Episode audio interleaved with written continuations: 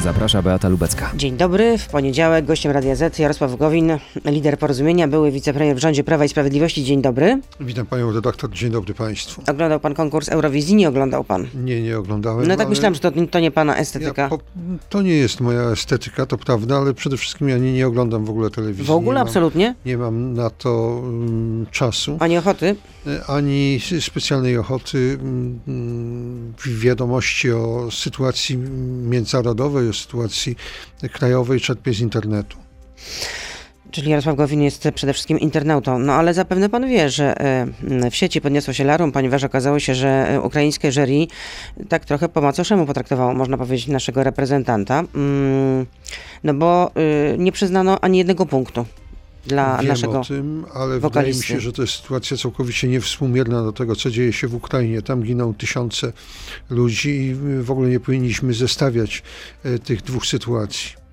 Czyli rozumiem, że to po prostu nie ma żadnego znaczenia, tak? I że jest ma wiele hałasu o nic, tak? Wiem, że minister kultury Ukrainy przeprosił za zachowanie ukraińskich jurorów, ale jeszcze raz podkreślam, to są sprawy zupełnie niewspółmierne. No jeśli mówimy o tym, co dzieje się w Ukrainie, to y, w nocy z soboty na niedzielę Rosjanie zaatakowali y, obiekt infrastruktury wojskowej położony bardzo blisko naszej granicy, zaledwie piętna- 15 kilometrów od naszej granicy. jest, y, Niepokojąco blisko. Sytuacja jest tak czy owak niepokojąca, dlatego że wydaje się, że cele rosyjskie sięgają dalej niż tylko Ukraina. Oczywiście Ale co pan ma na myśli, że sięgają dalej niż Ukraina? e, nie sądzę, żeby podporządkowanie sobie Ukrainy, bo taki był pierwotny cel Władimira Putina, było jego celem ostatecznym. E, W dalszej kolejności są Naddniestrze, są państwa e, bałtyckie i jest być może także Polska. No to bardzo niepokojące to, to, co pan powiedział. Bardzo. Ale chyba mamy tego świadomość od samego początku tej e, wojny, że to nie jest wojna tylko Ukrainę. E, Naród ukraiński walczy o wolność nie tylko swoją, ale także państw sąsiednich. A czy to możliwe, że Macron i Putin negocjowali podział y, Ukrainy za jej plecami? Tego typu e, sugestia, czy raczej e, zarzut padł ze strony ukraińskiej, natomiast mamy twarde dementi ze strony Francji. Myślę, że tutaj doszło do jakiegoś nieporozumienia. Nie wyobrażam sobie, żeby ktokolwiek mógł ponad głowami Ukraińców e, negocjować z Władimirem Putinem, z reżimem rosyjskim podział Ukrainy. No to jeszcze e, przypomnijmy, bo nie każdy musi e, to śledzić na bieżąco, że Wołodymyr Zełański udzielił wywiadu w, we włoskiej telewizji i tam właśnie zasugerował, że e, mm, Emmanuel, Emmanuel Macron pytał go z naciskiem, czy jest gotów właśnie na ustępstwa terytorialne na rzecz Rosji, no żeby Putin mógł wyjść z twarzą z tej całej Widać, że na sytuacji. Zachodzie ścierają się dwie koncepcje. Jedna reprezentowana przez Francję i Niemcy, obliczona na szukanie jakiegoś kompromisu między interesem Rosji a interesem Ukrainy. I druga reprezentowana przez kraje anglosaskie, Wielką Brytanię, Stany Zjednoczone, y, nastawiona raczej na to, żeby zadać Ros- Rosji jak największe straty i żeby raz na, może nie na zawsze, ale raz na długo e, wybić Władimirowi Putinowi czy rządzącym na Kremlu e, plany e, powrotu do mocarstwowej pozycji Rosji. A jeśli pan mówi o kompromisie, to wracając trochę na nasze poletko, czy mamy już kom- po- porozumienie, kompromis z Komisją Europejską? No tak zapewniał rzecznik rządu, yy, zacytuję pana yy, rzecznika, ministra Millera, zarówno zespół ze strony polskiej, jak i zespół, który został stworzony przez przewodniczącą Komisji Europejskiej, doszły do porozumienia w zakresie treści kamieni milowych. Jakie to Bardzo kamienie milowe, to jeszcze nie wiemy. Dowiemy się, jak już Komisja Europejska to ogłosi oficjalnie. Bardzo bym chciał, żeby do tego kompromisu doszło, dlatego że każdy dzień zwłoki to są wymierne straty i mam na myśli nie tylko e, kary finansowe, które płacimy za e, dalsze istnienie Izby No nie płacimy. Dyscyplinarnej. To my płacimy. To, to jest e, koszt, który obciąża budżet państwa, więc każdego z nas. Mam na myśli nie tylko to, że nie mam dostępu do środków z Krajowego Planu Odbudowy, ale także mam na myśli wiarygodność polskiej gospodarki i reakcję rynków finansowych. Tutaj te straty są niewspółmiernie duże. A jak się panu podoba nowa Krajowa Rada Sądownictwa? Bo w ubiegłym tygodniu Sejm głosował wybór nowej rady właśnie. Jak cała opozycja, posłowie porozumienia głosowali przeciwko, uważamy, że należy zmienić zasady wyboru Krajowej Rady Sądownictwa. Szkoda, że zakończenie kadencji nie posłużyło jako powód, jako okoliczność dla obozu rządowego do tego, żeby znowelizować przepisy, bo wiemy przecież, że e, problem Izby Dyscyplinarnej to nie jest jedyny problem, jeżeli chodzi o tak zwaną praworządność.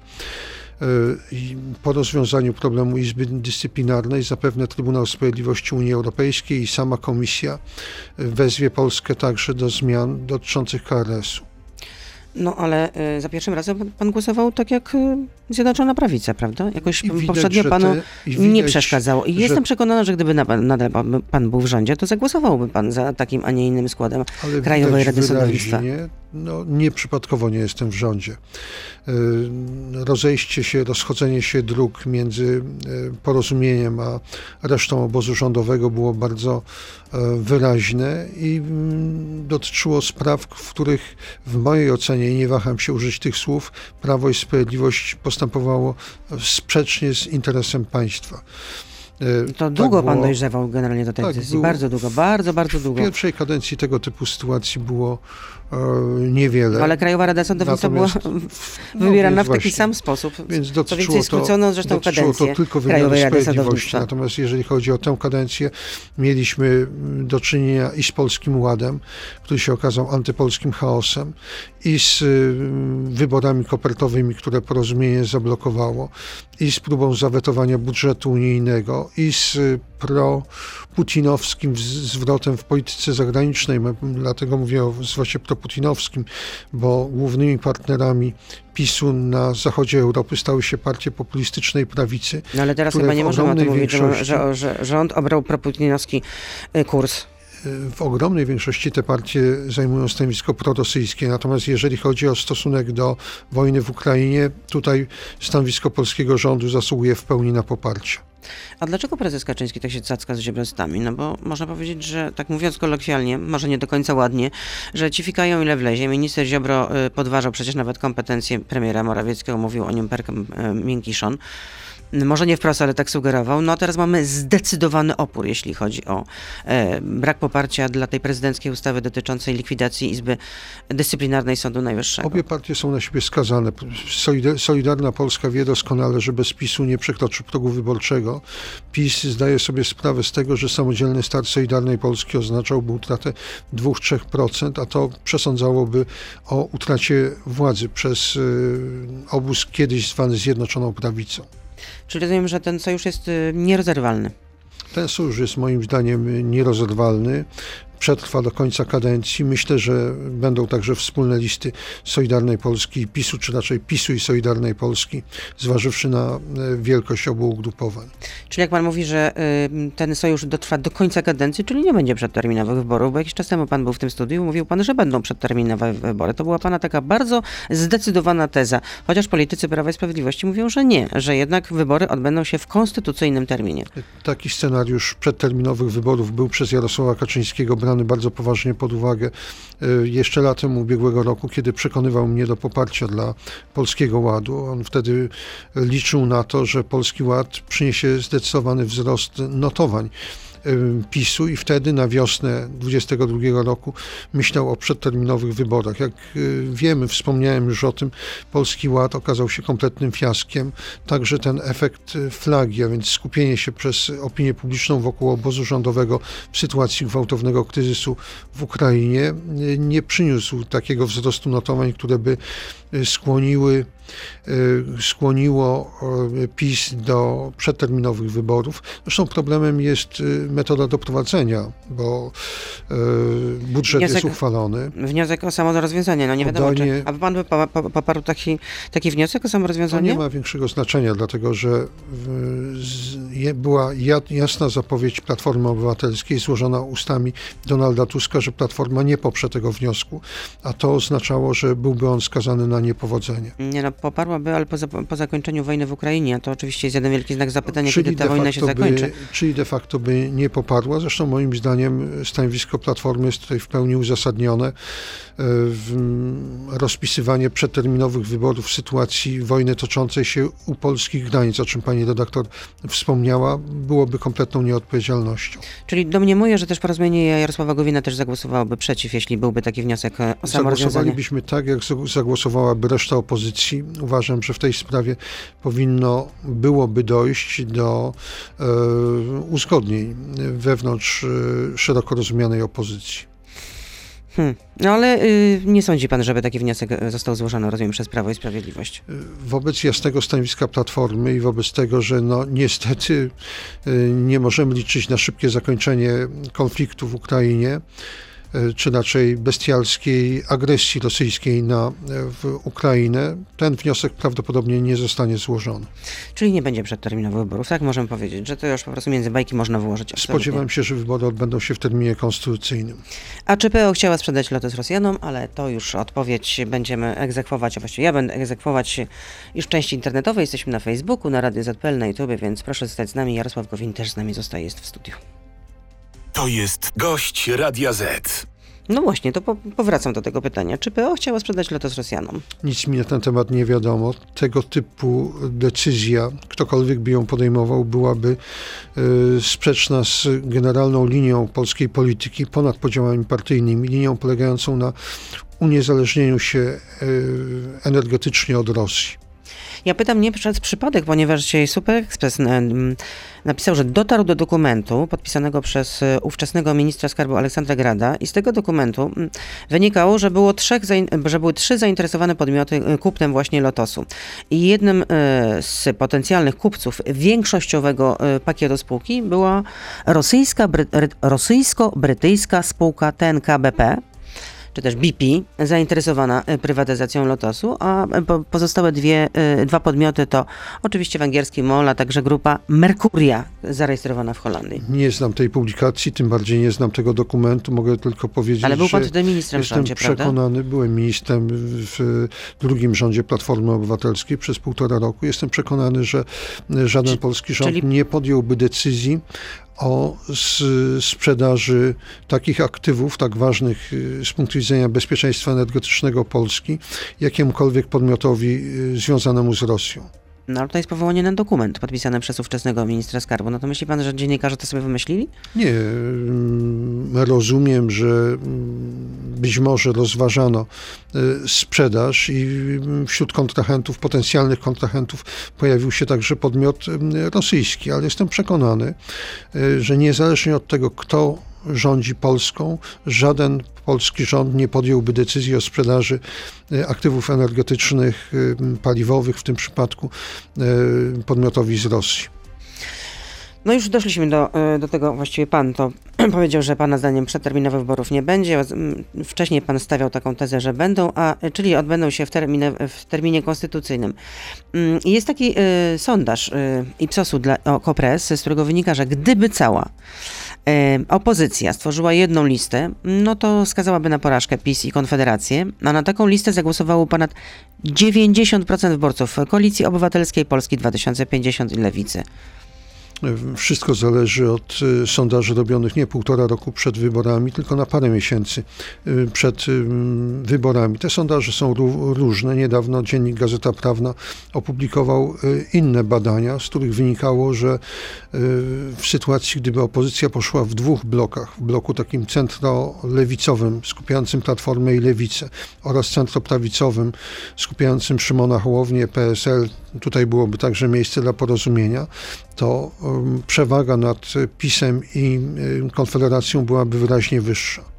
I pan się widzi właśnie w takim konglomeracie pod tytułem y, Polska 2050 Szymona Dzisiaj Hołowni, PSL? dzisiaj za wcześnie jest mówić, w jakim kon- konglomeracie się bym widział, dlatego że, tak jak powiedziałem, na półtora roku przed wyborami nie ma sensu y, przywiązywać wagi do y, sondaży. Nie jest też pora, żeby toczyć negocjacje o listach wyborczych. No bo samodzielny start absolutnie nie wchodzi w grę. Znaczy wchodzi w grę, ale to jest skazane z góry na porażkę, no bo Mam świadomość, że porozumienie jest partią po trudnych przejściach i mm, na pewno y, samodzielny start byłby możliwy, ale y, nie rokowałby nadziei na przekroczenie progu wyborczego. Natomiast y, uważam, że w tych wyborach każde 2-3% będzie się y, liczyć i myślę też, że między Platformą a PiSem jest szeroka przestrzeń, czyli szeroka grupa wyborców. Z jednej strony rozczarowanych rządami PiSu, z drugiej strony niekoniecznie marzących o powrocie Platformy do monopolistycznej pozycji po stronie opozycji, że ci wyborcy oczekują na nową ofertę. Ale naprawdę widziałby się pan na jednej liście z, z Szymonem Hołownią, bo czytałam e, jeden z pańskich wywiadów i mówił pan, że w jego otoczeniu, wśród jego wyborców, no, jest wielu ludzi o lewicowych poglądach, a to się za bardzo panu nie podoba. Żeby, no...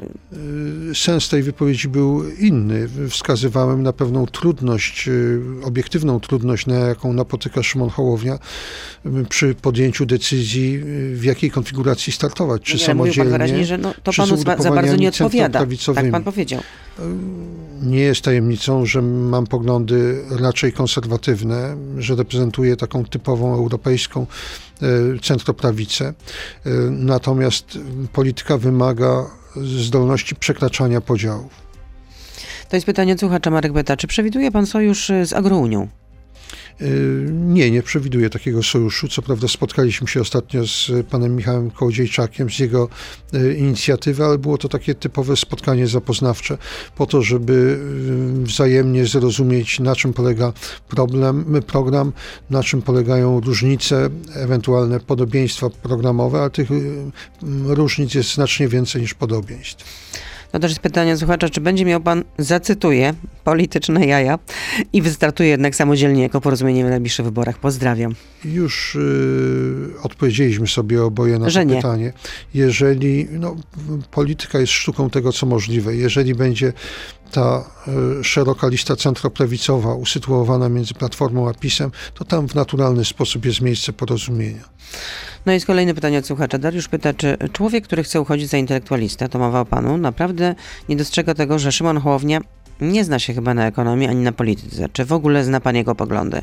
Y, znam poglądy Szymona Hołowni na wiele kwestii, jeżeli chodzi o y, gospodarkę, to on już przedstawił zęby swoich y, założeń programowych. One są na pewno nie tak wolnorynkowe jak program Porozumienia, czy także program Polskiego Stronnictwa Ludowego, ale są tam zbieżności. Na przykład jeżeli chodzi o kwestie związane z transformacją energetyczną, tutaj postulaty Szymona Hołowni i, program porozumienia są w pełni zbieżne. Ale czy Pana zdaniem y, Szymon Hołownia zna się na polityce, zna się na ekonomii? Szymon Hołownia wystartował w wyborach prezydenckich i uzyskał trzeci wynik, zaskakująco dobry wynik, a potem w bardzo trudnych y, warunkach, bo sam nie jest przecież y, deputowanym, utrzymuje stosunkowo wysokie poparcie. To wystarczający powód do tego, żeby podchodzić z szacunkiem do jego osiągnięć politycznych. No teraz ewidentnie Polska 2050 straciła na rzecz koalicji obywatelskiej, no po powrocie Donalda Tuska. Zresztą taki był plan, żeby odbudować Platformę Obywatelską, no bo spadała nawet na, przepraszam bardzo, no, straciła y, tę pozycję lidera po stronie opozycyjnej zdecydowanie. Szymon Hołownia musi sobie odpowiedzieć na pytanie, czy chce być liderem jednej partii, czy chce być liderem szerszej y, koalicji. Jeżeli jednej partii, to bardzo ciężko będzie mu uzyskać wynik dwucyfrowy. Jeżeli szerszej koalicji, to wszystkie badania pokazują, że ta koalicja miałaby wynik 15% plus, czyli ponad 15%, między 15 a 20%, ale to jest jest y, decyzja, którą trzeba zostawić Szymonowi Hołowni.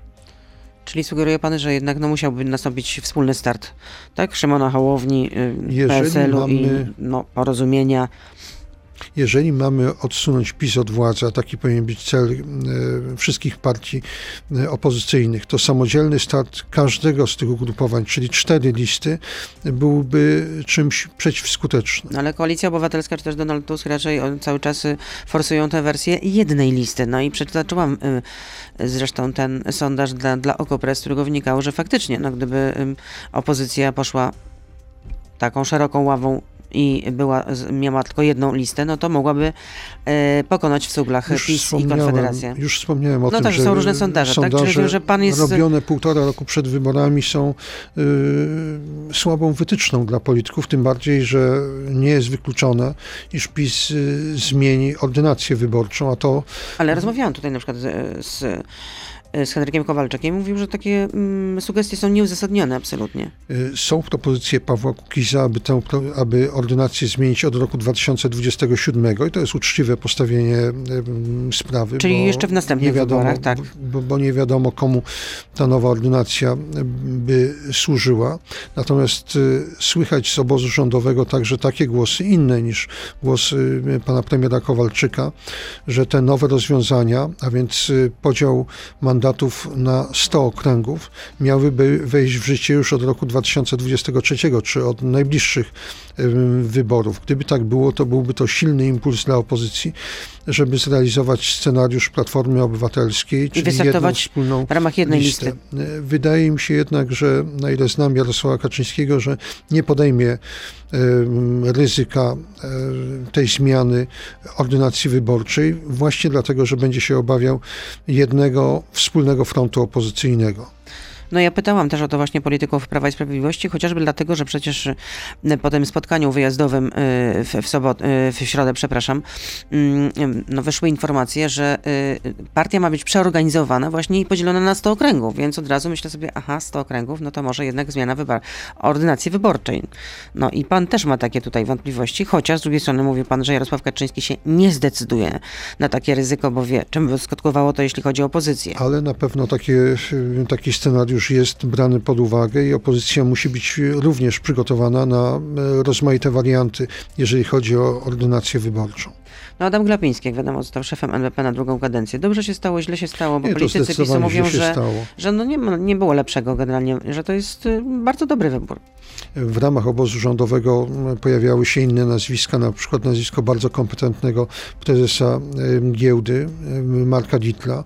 Natomiast Adam Glapiński jest niewiarygodny dla rynków finansowych, a to w przypadku y, inflacji jest czymś bardzo zasadniczym, bo inflacja w dużej mierze rozgrywa się w sferze psychologicznej. Im wyższa wiarygodność prezesa banku, im wyższa wiarygodność e, Narodowego Banku, w tym przypadku NBP, tym e, większe szanse na szybsze opanowanie inflacji. A dlaczego Pana zdaniem jest niewiarygodny dla rynków Adam Glapiński? Właśnie Dlatego, po tym, że, że, że przestrzelił, jeśli chodzi o prognozy dotyczące inflacji i nie no podjął nie tyle wcześniej... ile kompletnie się pomylił.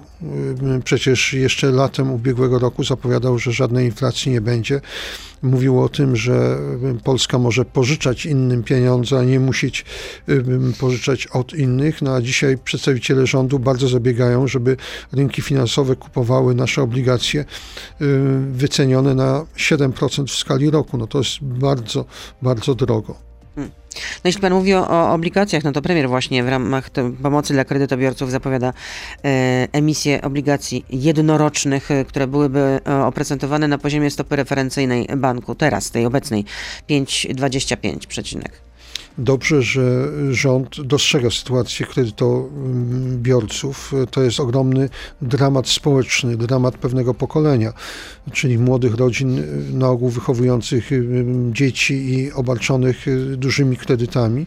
Zobaczymy, do jakich skutków doprowadzą te propozycje rządowe, ale z uznaniem odnotowuję to, że rząd nie chowa głowy w piasek. No ale czy to będzie skuteczne, skuteczne, tego nie skuteczna wiemy, rzeczywiście tego nie pomoc? eksperci, Też odchodzi o to, żeby pieniądze ściągnąć z rynku. Y, zobaczymy, sytuacja jest bardzo trudna. Y, tak wysokiej inflacji, ponad 12% nie da się stłumić y, w sposób bezbolesny. No to jest pytanie od Grzegorza. To jaka według pana posła Jarosława Gowina jest recepta na inflację? Proszę wymienić trzy działania. Co by pan zrobił, żeby zmniejszyć inflację, żeby ją Jedno poskromić. działanie zostało już podjęte przez Radę Polityki Pieniężnej, czyli podniesienie stóp procentowych. Drugie Ale to jest działanie, piłka po stronie RPP, a ja mówię o takim y, działaniu, które y, ma powinien podjąć To rząd? jest kluczowe, to jest kluczowe y, podniesienie stóp y, procentowych i mm, Adam Glapiński niestety się bardzo spóźnił z tym podnoszeniem, przez to ma ono charakter gwałtowny, może nawet zbyt y, gwałtowny, ale jakiś ruch, jeżeli chodzi o stopy procentowe był y, niezbędny. Druga rzecz, którą trzeba zrobić bezwzględnie i to jest działanie po stronie rządu, to skończyć z nowymi programami społecznymi, dlatego że one e, dolewają paliwy do ognia, czyli dosypują pieniędzy do i tak rozchwianego i pogrążonego w inflacji. Czyli z jakimi programami trzeba skończyć? Jeżeli słyszę zapowiedzi być może 15 emerytury, no to, to jest przykład, e, to jest przykład e, działań, które trzeba, których trzeba uniknąć. E, I trzecia rzecz to jest to, o czym pani redaktor wspomniała przed chwilą, działania rządu obliczone na pomoc dla kredytobiorców. Czyli te jednoroczne obligacje, Tutaj tak? możliwości działań i też zapowiedzi ze strony rządu są e, różnorodne. Mowa jest o na przykład o wakacjach kredytowych. No, trzeba próbować wszystkich e, sposobów na to, żeby ograniczyć tak gwałtowne tempo wzrostu stóp procentowych. No to tylko, że te wakacje kredytowe odroczą po prostu spłatę Tylko kredytów. odroczą, tak. mam a pełną mamy, świadomość, A przecież ale- mamy rok wyborczy właśnie w przyszłym roku, no i to chyba o to chodzi. To nie, to nie zmienia faktu, że dla części kredytobiorców to może być rozwiązanie e, ratujące ich sytuację. Czyli to akurat pan popiera, rozumiem, takie wakacje kredytowe. To popieram, bo generalnie rzecz biorąc, w sytuacji nieznanej od dziesięcioleci y, inflacji, y, trzeba podejmować jakieś działania, które by ograniczały jej skalę. To jest przykład działań, których końcowego efek- e- efektu nie możemy być pewni, ale dobrze, że te działania są podejmowane. Liberał pyta, czy wystarcza panu teraz do pierwszego, zwłaszcza teraz, i dlaczego pan przyłożył rękę do inflacji?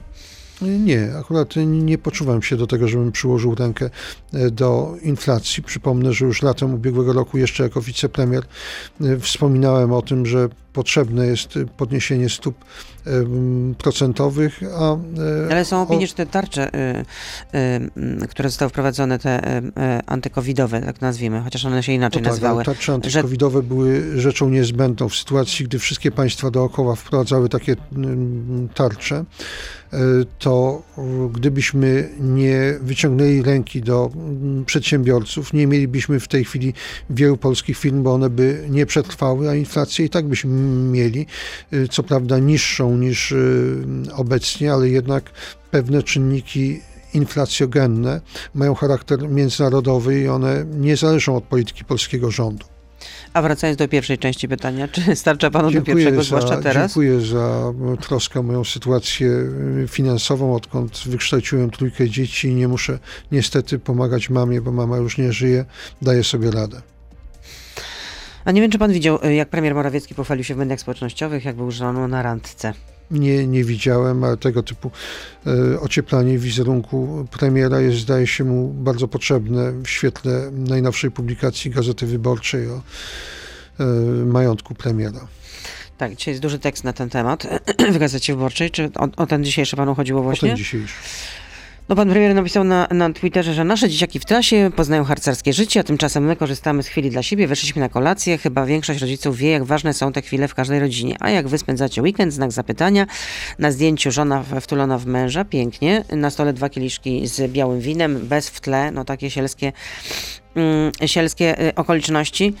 No wielu, wiele osób to skrytykowało w związku z tym, jaki jest właśnie poziom inflacji, że y, wielu już nie, za, nie starcza do, do pierwszego, tak można powiedzieć. No. No to jest sytuacja, której naprawdę nie można pomijać, bagatelizować jakimiś żartobliwymi e, określeniami, e, bo to jest e, problem dramatycznej sytuacji całego pokolenia. Całe pokolenie 30-40-latków, już nie mówiąc o ludziach młodszych, e, stoi w obliczu głębokiego kryzysu na rynku mieszkaniowym, no i w obliczu tego, że e, kredyty, które e, zaciągnęli, e, ich koszty gwałtownie rosną.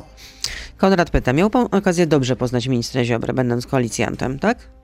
Tak, oczywiście. Jak wszystkich innych ministrów. Czy opór ministra sprawiedliwości przed zmianami w Sądzie Najwyższym w ostatnim czasie wynika z jego politycznych kalkulacji, czy rzeczywiście wynika z realnej troski o stan polskiego sądownictwa? Ja nikomu nie odmawiam realnej troski o stan Polski, również ministrowi Ziobrze, chociaż wydaje się, że w tym przypadku y, więcej y, przemawia za tą pierwszą odpowiedzią. Y, Zbigniew Ziobro obawia się, że zostanie obarczony odpowiedzialnością za niewydolność systemu sprawiedliwości, niewydolność jeszcze większą niż w roku 2015, kiedy PiS wraz z Solidarną Polską i Porozumieniem przejmowały władzę. No ale jakby nie patrzeć, to jednak y, Zbigniew Ziobro forsował te wszystkie zmiany dotyczące To on forsował zmian te zmiany i widać wyraźnie, że on te też dokonywał zmian personalnych. Efektu. Jeżeli chodzi o zmiany personalne, to to jest chyba najsłabszy element y, y, działań ministra Ziobry. Przypomnę y, aferę hejterską, której autorami byli sędziowie zatrudnieni w Ministerstwie Sprawiedliwości. No, Anna Maria Siarkowska, która właśnie zasiliła szeregi Solidarnej Polski w ubiegłym tygodniu, mm, była prezentacja mm, tej nowej sytuacji. Teraz y, Zbigniew Ziobro ma chyba razem z nim jest 20, 20, 20, 20 posłów Solidarnej Polski, no więc więcej szabel.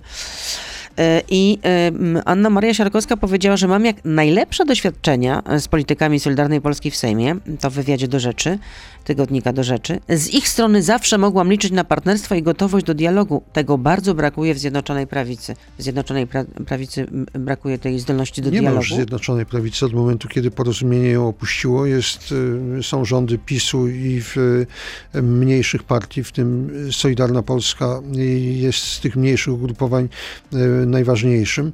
W, co do tego, czy jest tam w tej chwili dialog, czy nie ma, proszę pytać przedstawicieli tego obozu. No dobrze, ale pan, kiedy był też członkiem tego obozu, to był, była gotowość do mm, dialogu, czy nie? Mm, ja zawsze miałem okazję do rozmów z Jarosławem y, Kaczyńskim, natomiast tak jak powiedziałem w pierwszej części rozmowy, nasze drogi stopniowo się rozchodziły, ponieważ coraz więcej działań PiSu sprzecznych było z interesem mm, polskiego państwa. Czyli rozumiem, że na początku dialog był, a potem on topniał, tak? Nie, dialog się odbywał przez cały czas, natomiast poziom zbieżności oceny sytuacji zdecydowanie się zmniejszał.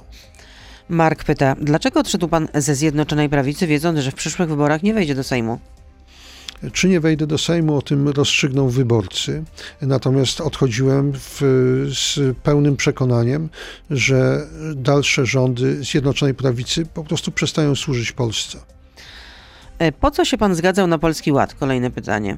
Y, zgadzałem się tylko na wstępne założenia. Przypomnę podniesienie kwoty wolnej od podatku i to bardzo znaczące, czy podniesienie progu podatkowego, tego pierwszego progu podatkowego do 120 tysięcy. Natomiast gdy poznałem szczegóły przygotowane przez Ministerstwo Finansów, zdecydowanie przeciwko Polskiemu Ładowi wystąpiłem i chyba dzisiaj nikt nie wątpi, że miałem rację. 10 największych osiągnięć pana na stanowiska ministra rozwoju. Może, może poprzestańmy na połowie, na pięciu. Pani redaktor, nie jestem od tego, żeby się chwalić. Kierowałem w życiu trzema różnymi resortami. Ministerstwem Sprawiedliwości, Ministerstwem e, Nauki, Ministerstwem odpowiedzialnym za gospodarkę, czyli Ministerstwem Rozwoju Pracy no, i Technologii e, Rozumiem, że y, miało to zabrzmieć y, sarkastycznie, ale proszę tak. zwrócić uwagę chociażby na kwestię transparentności.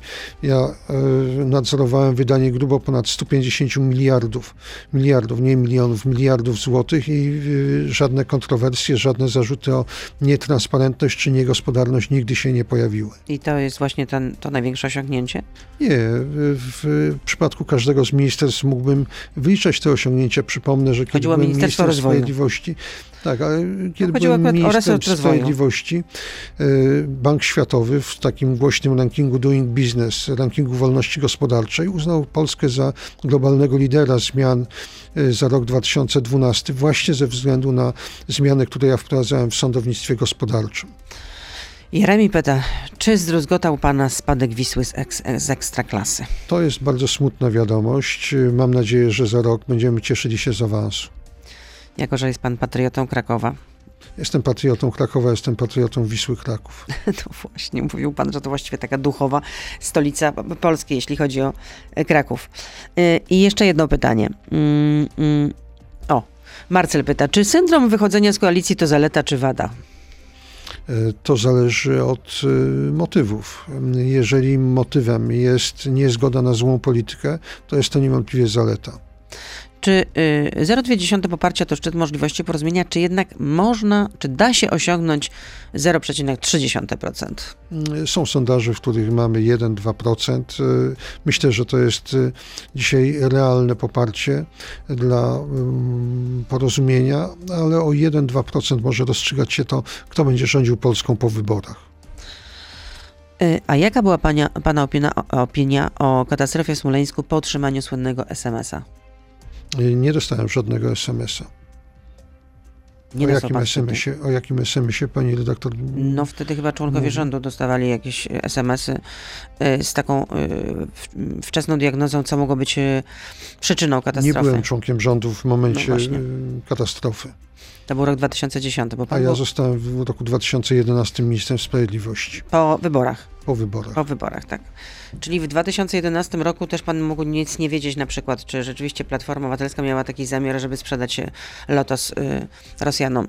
Nie, wtedy. y, Bo przecież Aleksander Grad też był Aleksander w pierwszym Grad rządzie, był ministrem skarbu. Skarbu, to mnie w rządzie nie było. Tak, bo w 2000, mm, bo w, w tych wyborach w 2011 roku, z tego co pamiętam, minister skarbu ówczesny, czy Aleksander Grad, e, startował w wyborach, ale zrzekł się mandatu, z tego co pamiętam. Tak było, zrzekł się także funkcji rządowej. Tak. No i zajął się zupełnie innym sektorem. Sektorem bardzo ważnym i szkoda, że media temu poświęcają mniej wagi, ale moim zdaniem inwestycje w energetykę jądrową to jest y, kierunek niezbędny dla Polski, jeżeli chcemy No tak, były nawet takie zachować- zapowiedzi, że pierwsza elektrownia będzie w 2019 roku. No i co, mamy rok 2022 i ani widu, ani słychu. Niestety żaden z obozów rządowych y, do tej pory nie potraktował tego jako swój priorytet, a bez energetyki jądrowej nie tylko nie będzie naszej niezależności i bezpieczeństwa energetycznego, ale także konkurencyjność polskiej gospodarki będzie spadać. Zwłaszcza teraz to widać, kiedy Rosja przekręciła nam kurek, chociaż no cały czas są te zapowiedzi, że będziemy odchodzić, że odchodzimy absolutnie do, od sprowadzania y, ropy ze strony Rosjan, że absolutnie się z tego wycofujemy. Jeszcze jest jedno pytanie. Czy zamierza pan kandydować na prezydenta RP? Nie, nie zamierzam. Nigdy nie miałem takich ambicji, takich planów. Raczej premier, tak? To byłoby coś, co by pana interesowało. Ja jestem zainteresowany władzą wykonawczą, a tę wła- władzę w e, dużo większym stopniu sprawuje rząd niż prezydent. Taki mamy ustrój. Taki mamy ustrój, to prawda. Jarosław Gowin, lider porozumienia Dziękuję i bardzo. były wicepremier w rządzie Prawa i Sprawiedliwości był z nami. Dziękuję bardzo, dobrego dnia. Gość Radia Z. Słuchaj codziennie w Radio Z i na player radioz.pl.